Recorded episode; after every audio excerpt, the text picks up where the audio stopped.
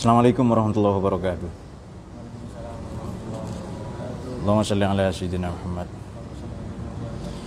صلاة الله وسلام على من أوحي القرآن وأهل بيته الكرام وصحبه ذوي القرآن وصحبه ذوي القرآن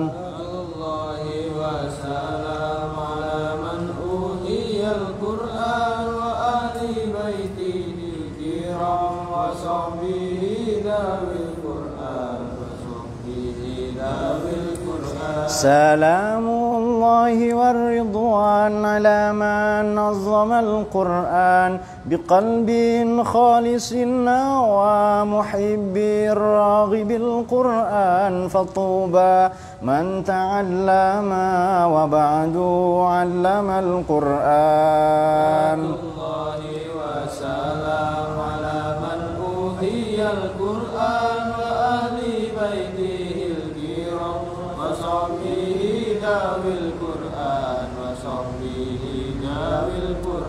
فيا إلهنا اجعلنا من الآهال في القرآن وزدنا علما نافعا بما علمتنا القرآن. أمتنا في حسن الختام مع القبول بالقرآن.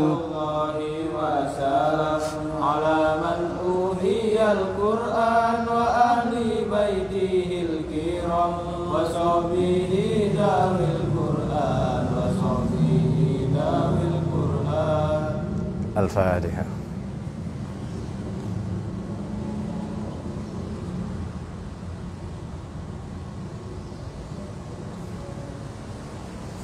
Mari kita lanjutkan kajian tafsir maudhu'i, kajian tafsir tematik pada kesempatan berbahagia ini eh, saya akan member- memperbincangkan mengenai amal yang terbaik atau amal yang berkualitas. Bahasa Al-Qur'an adalah ahsanu amalan. Ini di Quran diulang empat kali, nomor satu di surat Hud. Liyabluwakum ayyukum ahsanu amala. Ayat 7, kemudian surat Kahfi ayat 7. Sama uh, linabluwahum ayyuhum ahsanu amala hanya redaksinya dengan kata kami. Kemudian pada surat Kahfi 30 innalladzina amanu sholihat inna la nudhi'u ajra man ahsana amalan dan di surat Al-Mulk atau Tabarok ayat 2 ya alladzi khalaqal mauta wal hayata liyabluwakum ayyukum ahsanu amalan. Baik. Mari kita baca mula-mula di surat Kahfi. Surat Kahfi ini menarik gua maknanya ya. Ini surat yang dimulai dengan bismillah yang dimulai dengan alhamdulillah. Di Quran ada lima ayat yang dimulai dengan alhamdulillah. Alhamdulillahilladzi anzala ala 'abdihil kitaba wa lam yaj'al lahu. Di sini Allah menyanjung memuji dirinya sendiri. Oke, pujian itu bagaimana? Eh, pujian sanjungan. Kita atau seseorang disanjung, dipuji berdasarkan kualitas amalnya biasanya. Itu catatan pertama. Yang kedua, kalau amalnya yang berkualitas ini, yang baik ini memberi dampak sekurang-kurangnya bukan untuk dirinya sendiri tetapi untuk yang lain. Oke. Eh, kebaikan yang pantas dipuji di sini Allah me- menyampaikan bahwa Dia zat yang maha dipuji. Oleh karena allazi anzala ala abdihil kitab. Menurunkan kitab suci kepada hambanya abdun. Ini jelas Nabi Muhammad ya. Kalau ada suara tanwin atau nun mati itu berarti yang agung maknanya hamba yang agung. Oke, pertanyaan begini, kenapa Nabi Muhammad ini disebut pribadi yang agung atau hamba yang agung? Baik. Ada misalnya abdi. Kenapa orang disebut hamba? Oleh karena ia melayani menghabiskan seluruh energinya, hidupnya bukan untuk dirinya tetapi untuk zat yang dilayaninya. Maka ia disebut abdi. Misalnya, abdi negara ia disebut abdi pelayan negara oleh karena ia menghabiskan seluruh waktunya, hidupnya, energinya, elan vitasnya demi kebaikan kemaslahatan negaranya. Nah, ini dia abdi. Kemudian kalau ia berprestasi, ia tidak mengklaim itu dirinya, tetapi karena zat yang dilayaninya. atau yang zat di mana ia menghamba kepadanya. Oke. Kemudian pantang baginya untuk mengklaim keberhasilan kesuksesan itu semata bagi dirinya, tetapi lebih kepada zat pribadi yang dilayaninya yakni Allah Subhanahu wa taala. Jadi Allah dipuji karena ia menurunkan kitab suci dan ini tidak ada ya kepada selain Allah ini. Kemudian kitab suci yang diturunkannya bukan sembarang kitab suci tetapi walam ya jangan lahu iwajan. Makna iwaj ini harfiahnya bengkok. Uh, tidak ada kesalahan, bahkan kesalahan yang tersulit, kesalahan paling rumit terjauh, seandainya ditelusuri itu tidak ada. Kesalahan yang rumit saja tidak ada, apalagi kesalahan yang ringan. Oke. Kemudian lam yaj'allahu iwajan juga maknanya lurus, sempurna, eh, tidak ada tidak ada kontradiksi di dalamnya. Ia senantiasa abadi, menyejarah, meruang dan mewaktu. Maka redaksi berikutnya pada ayat yang kedua yakni qayyiman. Ini dia, lurus sempurna. Liyunzira ba'san syadidan min ladunhu wa yubashshiral mu'minin alladzina ya'maluna sholihati anna lahum ajran hasanah. Kadang sesekali Nabi memberikan menyampaikan kabar buruk mengenai datangnya siksa pada saat yang sama ia memberikan kabar yang baik yakni yubashshiral mu'minin, memberikan kabar gembira. Maka di surat Ahzab itu ada redaksi Bismillahirrahmanirrahim. Ya ayuhan nabiyyu inna arsalnaka syahida wa mubashshira wa nazira wa da'iyan ila Allah biiznihi wa sirajan. Oke, okay, makisina fi abada Wa indrul ladzina qalu takhadallahu walada memperingatkan bagi mereka yang berkeyakinan Allah itu punya anak. Kemudian ayat berikutnya malahum bihi min ilmin wala. Mereka tidak punya pengetahuan akan hal itu. Kaburat kalimatan takhruj min afwahihim iyakuluna illa kadziba. Ini dia fala'allaka bakhun nafsaka ala atharihim illam yu'minu bihadzal hadits asafa. Ini kita singgung ayat kemarin ya, di mana Allah menegur Nabi bahwa Apakah engkau akan mencederai dirimu sendiri seandainya mereka tidak beriman dengan Quran ini dengan nubuah ini? Oke, okay. ini yang mau kita baca. Inna ja'alna ma'alal ardi zinatan laha linabluwahum ayyuhum ahsanu amala. Oke.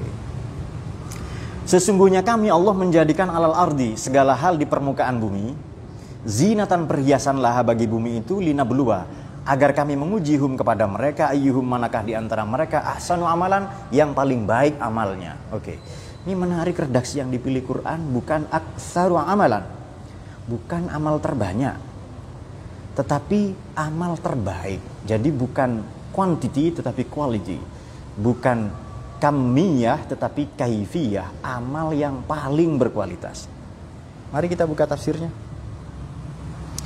Uh, langsung saja baru saja surat kahfi ayat yang kedua. Oke.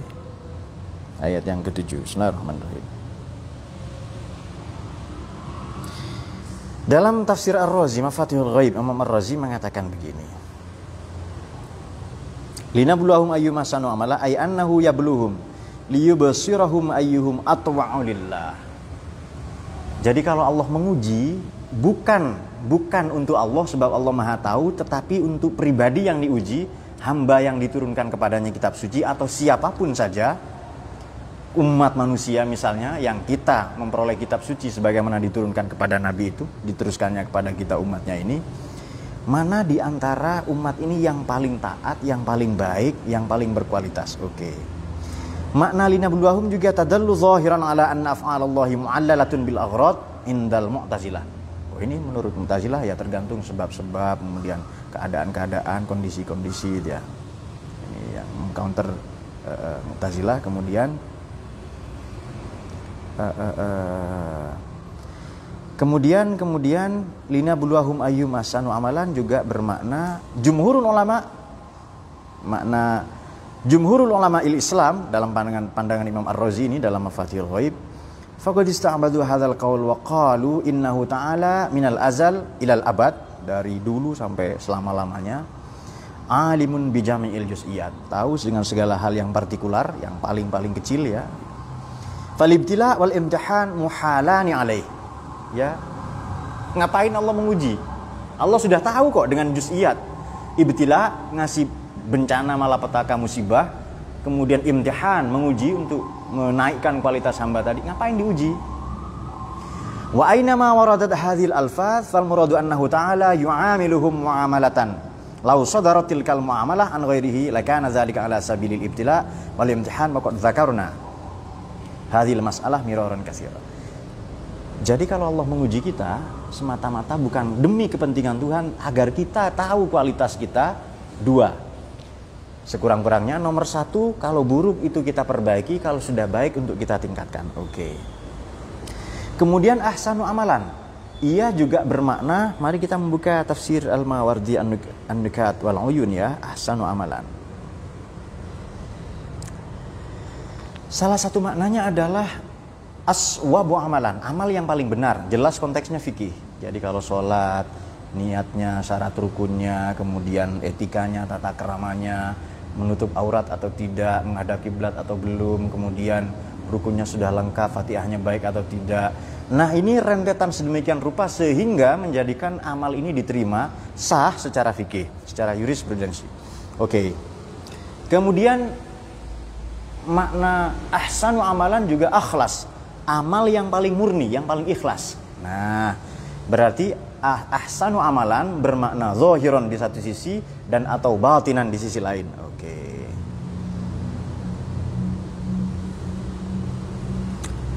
Ah, lina buluhum ayyuhum ahsanu amalan. Ini ada maknanya adalah ayyuhum ahsanu tawakkulan alaina. Mana yang paling bertawakal kepada kita, yang paling tawakul. Bahasa kita menjadi tawakal ya. Ini pernyataan Imam Sahal bin Abdullah. Kemudian ayyuhum asfa qalban wa ahda samtan. Mana yang paling lurus hatinya, yang paling jernih akalnya, yang paling bening budinya, batinnya, rohaninya. Oke. Ini menarik redaksi sebelumnya kalau diulas adalah zinatan Allah menjadikan bumi zina. Ini saya sedang melakukan perjalanan, baru saja dari Madura ya. Wah ini indah sekali, ada jembatan Suramadu, ada pilar-pilar besi, kemudian beton-beton, di situ berlapis emas. Kemudian saya terhenti sejenak, ya untuk swafoto. Kemudian eh, tidak hanya berhenti di situ, saya juga melukis, menggambar, kemudian uh, bikin rumah di situ malah sehingga saya lupa tujuan saya ke rumah saya. Di situ zinatallah. Allah menjadikan segala sesuatu yang di bumi ini zina, perhiasan. Mana nanti amalnya yang berkualitas? Saya mau melakukan perjalanan misalnya dari Madura, dari Pamekasan ke Malang, di tengah-tengah jalan ada perhiasan-perhiasan, ada keindahan-keindahan, lalu saya lupa tujuan saya. Nah, itu dia. Dan itu sering kali terjadi. Itu sering kali. Makanya eh, di dunia ini karena perhiasan, kita betah di sini sampai lupa tujuan kita yang yang asasi, yang azali yakni ke akhirat. Oke, mari kita buka tafsir eh, ayat yang lain. Bismillahirrahmanirrahim. Pada surat Al-Mulk ini mengenai masih mengenai ahsanu amalah. Kita ulas untuk kemudian kita kontekstualisasikan dalam kehidupan kita sehari-hari. A'udzu billahi minasyaitonir rajim. Tabarakalladzi biyadihil mulku wa huwa 'ala kulli syai'in qadir. Alladzi khalaqal mauta wal hayata liyabluwakum ayyukum ahsanu amala. Oke. Okay. Tabaraka. Makna tabaraka ini banyak sekali berkahnya. Allah Maha banyak Maha banyak berkahnya. Ini terjemahan ya. Ini di sini tidak ada terjemahannya nih. Terjemahan Kemenak saya wallahu alam. Ya, pokoknya saya terjemahkan punya saya saja begini. Salah satu tafsirnya. Tabaraka. Allah ini Maha banyak barokahnya Barokah ini maknanya sekurang-kurangnya tiga. Ada hal sedikit tapi fungsinya banyak, manfaatnya banyak. Misal ada nasi, ada makanan, seharusnya cukup dimakan tiga orang, tapi ya karena ada keberkahan di situ, maka manfaatnya untuk orang banyak. Ini ilmu saya sedikit, tapi ada keberkahan dari Allah di situ, boleh melalui guru, melalui kitab, melalui keadaan, misalnya pada waktu di bulan Ramadan di Masjidil Haram atau Masjidil Aqsa di mana pun, barokah ini bisa ruang, bisa waktu, atau dari Allah langsung, atau dari kitab suci. Ya ilmu saya sedikit tetapi karena banyak keberkahannya manfaatnya jauh lebih banyak. Sumur yang hanya pakai gayung satu atau pakai timba manfaatnya tidak terlalu banyak. Tapi manakala disalurkan oleh keran, ini manfaatnya banyak sekali, bisa sekaligus orang wudhu 100 orang di masjid. Nah demikian pula ilmu. Jadi ada orang yang ilmunya kualitas sumur, ada yang kualitas pet itu. Apa keran itu di pet di masjid-masjid biasanya Nah, demikian pula ilmu. Jadi nomor satu berkah ini maknanya sedikit tetapi manfaatnya banyak, eksesnya banyak, implikasi dampak positifnya banyak. Dua, barokah ini sesuatu yang memang demikian adanya, kita tidak paham, sesuatu yang masih misterius bagi kata majhulat, tetapi kita baru paham keberkahannya itu apa setelah kita mengalaminya atau mendapatkan manfaat kebaikan darinya. Jadi saya tidak paham ngaji apa baca kitab kuning, baca teks-teks kitab gundul misalnya dulu ya, tetapi setelah mengajar Allah membukakan futuh kepada saya. Kemudian Allah memberikan pemahaman kepada saya. Jadi yang tadinya saya sama sekali tidak tahu karena keberkahan itu kita menjadi tahu. Maka di sini tabarokah terus menerus banyak sekali deras sekali keberkahan Allah itu allazi zat yang biadihi dalam genggamannya al mulku kekuasaan wa ala kulli syai'in qadir. Oke. Satu lagi makna barokah. Ini sehubungan dengan ayat yang tadi yang Allah mengetahui yang juziat, tahu hal-hal yang partikular yang paling kecil sehingga Allah tidak perlu menguji dan kalau ia menguji kita umatnya ini semata-mata karena Allah ingin tahu kualitas karena Allah ingin supaya kita tahu kualitas diri kita. Saya ulangi, bukan Allah ingin tahu kualitas saya, kualitas kita, tapi supaya kita mengenal kualitas kita sendiri. Kalau ia buruk kita perbaiki, kalau sudah baik kita tingkatkan, kita istiqomahi. Oke, bagaimana itu di Quran itu di surat Hadid itu uh, uh, uh, uh, uh, uh, Likaila bima atakum. Oke. Agar engkau tidak putus asa dengan kegagalan serta tidak jumawa dengan pencapaian, dengan prestasi, dengan achievement. Jadi kalau itu uh, prinsip kalau kita kalau kita beramal ya. Oke, kita lanjutkan ke sini dulu. Maka makna keberkahan ini keberkahan yang terus-menerus, yang menderas. Allah menganugerahkan keberkahan yang banyak sekali kepada Nabi, rahmat yang banyak sekali tak henti-hentinya kepada Nabi sehingga karena Allah di tangannya segala pengetahuan yang terdahulu dan yang sekarang tidak ada ruang waktu bagi Allah itu Allah Maha Suci dari itu semua maka untuk mendapatkan keberkahan kita mengakses kita connect terhubung ya kepada wifi wireless fidelity wifi itu koneksi nirkabel yakni Al-Quran. Jadi Quran ini atau hal-hal yang ditunjuk oleh Allah itu. Apakah Nabi Muhammad atau para pewarisnya para ulama atau Quran. Jadi makna keberkahan itu. Kita connect sama dengan begini. Uh, ini saya tomat busuk misalnya. Ini saya tomat busuk ini. Tapi kalau bergabung dengan ribuan kuintalan sekian ton tomat yang baik, apel yang baik, maka nilai saya yang busuk itu ikut baik. Apa maknanya ini? Adalah sebanyak apa pun keburukan kita, tetap lebih banyak kemurahan tabarokah ya, keberkahan Allah yang jauh lebih banyak. Jadi kata barokah, tabarokah ini. Oke. Makanya kalau doa-doa ada orang menikah itu barokallah, barokallah ya, barokah. Semoga Allah memberikan keberkahan yang terus-menerus bertambah-tambah makna tiga tadi itu. Oke. Wa huwa ala kulli syai'in qadir. Kita tahu hal-hal kadang setelah terjadi. Allah Maha tahu hal-hal yang meskipun itu belum terjadi atau potensial terjadi. Allah Maha tahu kepada sesuatu yang mungkin dan pasti ada. Jadi kepada wajibul wujud yang necessary of being maupun mungkinul wujud, possibility of being. Allah Maha tahu itu contoh. Tetapi ia tidak keluar pengetahuan Allah ini dari kudro dan irodahnya. Jadi misalnya Allah menghendaki bunuh diri, Allah menghendaki peniadaan dirinya, Allah menghendaki menciptakan Tuhan yang sepertinya. Ini mustahil. Allah Maha suci dari itu semua. Nah, oke. Okay. Alladzi khalaqal mauta wal hayata liyabluwakum. Surat Kahfi ini kan Ashabul Kahfi ini kan orang yang tidur karena membela imannya, membela reputasinya, imannya, sorry, imannya selama 309 tahun, maka Allah menyelamatkannya. Maknanya apa? Sebelum ke surat Al-Mulk. Orang-orang yang membela imannya, orang-orang yang berjuang membela Tuhan dan nabinya, maka ia akan diselamatkan. Allah akan menjaga kemuliaannya di dunia dan bahkan lebih-lebih di akhirat. Caranya bagaimana? Ia Allah selamatkan di dalam gua tadi itu dan menarik di situ di dalam gua itu uh, uh, uh, ada seekor anjing ya ini menarik anjing saja ikut ulama selamat kok dan anjing ini tidak berakal masa kita tidak mau ikut ulama ya kan surat kafi oke okay. Kalau hafal ayat 1 sampai 10 selamat dari fitnah Dajjal ada satu riwayat demikian. Baik, Alladzi khalaqal mauta wal hayata. Kenapa redaksi yang dipilih mau dulu baru hayat?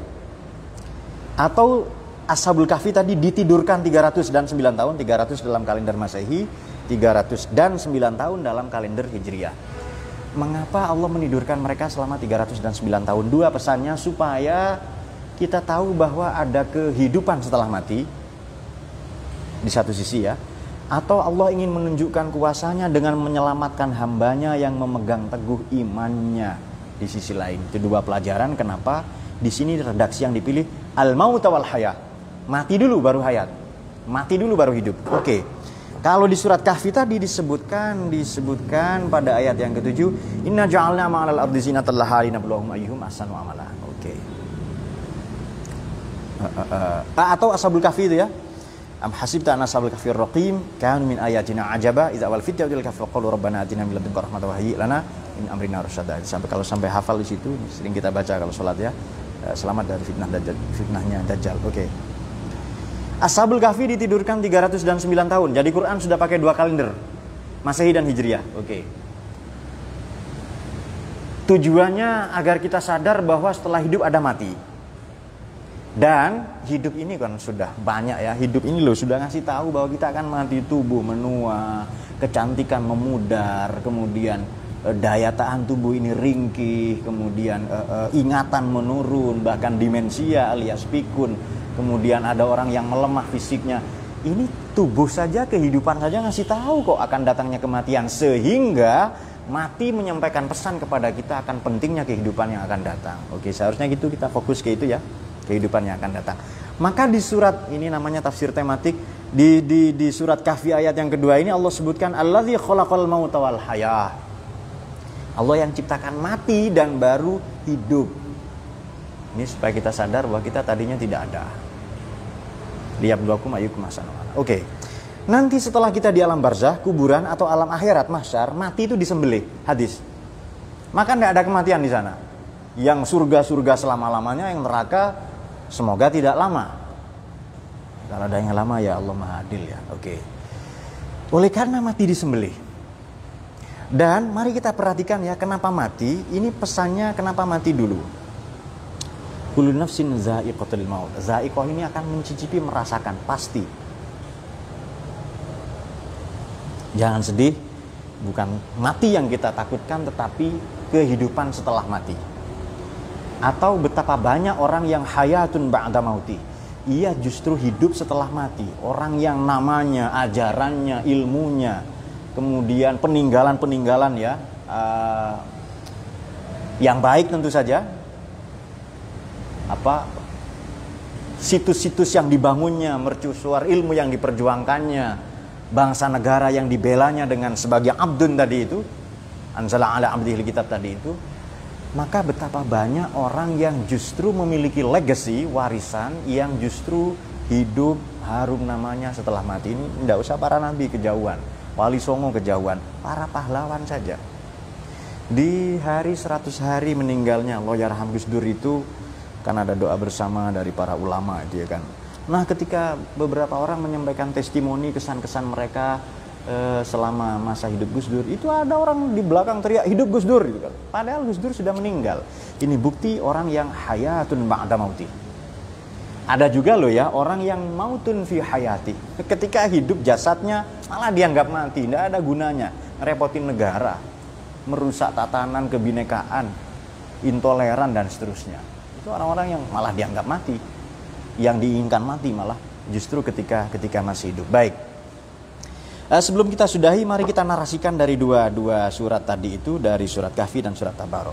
Ayat ini memiliki narasi yang sama. Kalau Tabarok selaras maknanya ya. Kita hubungkan dengan apa? Dengan Nazmud Duror Fita Nasubi Ayat wa Suar Imam Al Biqai. Kalau pada surat Al Mulk dimulai dengan Tabarokah, Allah banyak sekali keberkahannya. Kita bukan takut mati. Kita bukan bukan tidak berani menjalani hidup, sebenarnya yang kita takutkan ini hidup kualitasnya bagaimana? Ah, sanu amalan. Jawabannya segera. Ini hidup saya bagaimana sih? Saya ini siapa? Ini apa yang harus saya perjuangkan? Kenapa istri saya, orang-orang di sekeliling saya membenci saya padahal saya sudah baik kepadanya. Ini bukan wata abdun yang anzala ala abdihil kitab, yang diturunkan kitab kepadanya, bukan itu. Orang yang diturunkan kepadanya kitab, kita maknanya, karena Nabi sudah tidak ada, kita akan berjuang ahsanu amalan. Paling banyak tawakalnya, paling banyak sabarnya, kemudian paling-paling berkualitas ya, e, bukan kuantitas. Seandainya kuantitas banyak jumlah, ini kita nggak sanggup ini kita ahli maksiat kok kita ini. Oke. Maka hidup yang kita mau hidup yang tabarakallazi biyadihil mulk. Mati yang kita mau yang tabarakallazi biyadihil mulk. Oke. Kalau kita beramal, amal yang kita mau adalah amal yang tabarakallazi biyadihil mulk. Sudah dapat poinnya kira-kira ya? Anggap saja paham. Enggak paham, Pak. Putar lagi rekamannya. Hemat umur kita ini. Hujan-hujan pula dari perjalanan dua hari cepat pulang kan cepat ketemu istri baik alhamdulillahilladzi anzala alam abdihil kita walam yaj'alahu imaja ini narasinya pertama ini ini kan tadi kita singgung ada lima surat ya di dalam Quran ada yang mengatakan empat karena Fatihah itu ada yang mengatakan dimulai dari Bismillah ada yang katakan dimulai dari Alhamdulillah tapi kalau kita sepakati Fatihah itu dimulai dengan Bismillah maka cuma empat surat di dalam Quran yang dimulai Alhamdulillah oke kalau kita sepakati bahwa uh, alhamdulillah yang uh, uh, permulaan bismillah permulaan Fatihah maka hanya empat surat. Oke. Uh, Inna ja'alna ma'alal ardi zinatan laha linabluwahum ayyuhum ahsanu amala. Allah kami jadikan bumi ini perhiasan semuanya linabluwahum agar kami uji manakah di antara mereka di antara kita semua yang amalnya paling berkualitas. Oke, apakah aswab benar secara fikih, akhlas ikhlas secara batin, secara tasawuf ya, oke. Kalau kita hubungkan dengan alhamdulillah, sekarang kita begini. Kita membaca alhamdulillah dulu, baru kita baca surat Kahfi ayat pertama, connect surat Al-Mulk ayat kedua. Untuk kemudian kita baca surat Al-Mulk ayat pertama, kita hubungkan dengan Kahfi ayat ketujuh. Paham nggak narasinya itu? Saya nggak ada papannya. Kita silang-silang ya, paham ya? Ah, paham nggak paham? Bang-bang umur kita ini mau cepat ketemu istri kok ini dan anak tapi alasan anak sebenarnya oke okay. hujan-hujan pula ini hujan rahmatnya Allah ya Allah masayyiban nafian semoga hujan berkualitas ketika ketika aku titipkan rindu di dadamu hujan juga hujan jugakah di hatimu dululah ketika masih penyair sekarang ya sudah bertobat kepada Allah oke okay. Maha suci Allah Allah layak dipuji oleh karena menurunkan kitab suci kepada hambanya dan kitab sucinya lurus tidak bengkok maknanya sempurna Eh, kandungan-kandungannya paripurna. Tujuan-tujuan diturunkannya itu sempurna. Oke, maka redaksi berikutnya qayyiman. Oke. Lalu kita kita teruskan allazi khalaqal mauta wal hayata liyabluwakum ayyukum ahsanu amala. Hidup dan mati kalau mau berkualitas jadilah abdun yang ditu, yang kepadanya allazi anzala ala abdihil kitab alam yaj'al lahu iwaja. Jadi bisa bisa dipahami ya? Bisa, oke. Okay, Jadi kalau mau ahsanu amala jadilah abdun yang memegang teguhi kitab suci. Siapa orang yang pegang teguh kitab suci adalah santri. Santri terambil dari kata sastri. Sastri adalah orang yang mempelajari sastra kitab suci, tempat di mana mereka belajar pesastrian. Alhamdulillah sudah paham. Oke. Berikutnya tadi tabarakallazi biadil mulk. Allah maha banyak, maha deras berkahnya tak henti-hentinya ya uh, uh, dalam tangannya kuasanya dalam genggamannya ada kulli syai'in qadir segera berikutnya kita baca yang Allah menguasai itu semua. Berikutnya adalah adalah inna ja'alna ma 'alal ardi zinatan laha linabluwahum ayyuhum ahsanu Oke. Sekarang kalau mau ahsanu amala kita harus connect kepada tabarakallazi biyadihil mulk wa huwa ala kulli syai'in qadir. Manakala kita memahami, meyakini, merenung insafi, menyadari bahwa Allah ini tak henti-henti keberkahan yang datang darinya, apakah keberkahan ilmu, keberkahan amal, keberkahan keluarga, rezeki. Orang kalau tidak berkah rezekinya, apa kesehatannya, sehat dia makan, minum, jalan-jalan kuat, tapi sholat subuh dua rakaat tidak kuat. Ngangkat anaknya mertua 50 kg atau setengah kintal kuat, Ya angkat tasbih tidak kuat. Angkat kopi, angkat sejadah ya kan? Pasti ada ada konsleting itu. Orang bekerja sehari 10 jam, 12 jam kuat. Tapi kenapa dia baca Quran 5 menit tidak kuat? Ah, itu dia tabarokah di situ. Ini pentingnya tabarokah. Tabarakalladzi biyadil mulk wa huwa ala kulli syai'in. Oleh karenanya kalau nyambung langsung inna ja'alna ma'al laha selesai itu. Jadi hidup ini menikmati fase-fase dipekerjakan oleh Tuhan, menikmati kucuran berkahan, keberkahan darinya yang tak henti hentinya diturunkan kepada kita. Baik, saya kira itu simpulannya. Uh, semoga kita semua dicahayai oleh Quran. Ini mohon maaf karena keterbatasan kondisi atau banyak hal. Namun demikian semoga semakin bertambah kecintaan kita kepada Quran. Poinnya adalah kita menjadi pribadi yang santri itu saja. Jadi ayat banyak berhamburan dari tinjauan dari berbagai tafsir meskipun tidak terlalu banyak. Intinya kita menjadi santri saja, menjadi pribadi yang sastri. Siapakah sastri? Mereka yang mempelajari sastra dan mengamalkannya. Sastra adalah kitab suci. Tempat di mana mereka belajar pesastrian atau pesantren. Dan e, kita sudah menjadi santri lah dalam dalam banyak hal ya. Sekurang-kurangnya kalau kita meyakini anzala ala abdihil kitab maka dia alhamdulillah. Paham ya? Alhamdulillah oleh karena kita turun kita kitab suci turun kepada kita. Alhamdulillah karena kitab suci diturunkan kepada uh, oleh Allah kepada kanjeng Nabi untuk kemudian disampaikannya kepada kita. Dan kita bisa mempelajarinya terus menerus alhamdulillah oleh karena Allah menjadikan kita umatnya kanjeng Nabi SAW alhamdulillah oleh karena Allah memberikan kesuburan cinta di hati kita kepada pengetahuan kemanusiaan bangsa negara serta kesuburan kecerdasan kepada kita untuk membangun peradaban dan mercusuar ilmu. Dan di sana lam yaj'al lahu iwaja. Saya kira demikian kita sudahi Allahumma arhamna bil Qur'an waj'alhu lana imaman wa nuran wa hudan wa rahmah. Ma nasina wa 'allimna minhu ma jahilna warzuqna الليل وأطراف النهار واجعلنا واجعله لنا حجة يا رب العالمين. ويفقنا سيدي اللهم فيك اللهم السلام عليكم ورحمة الله وبركاته.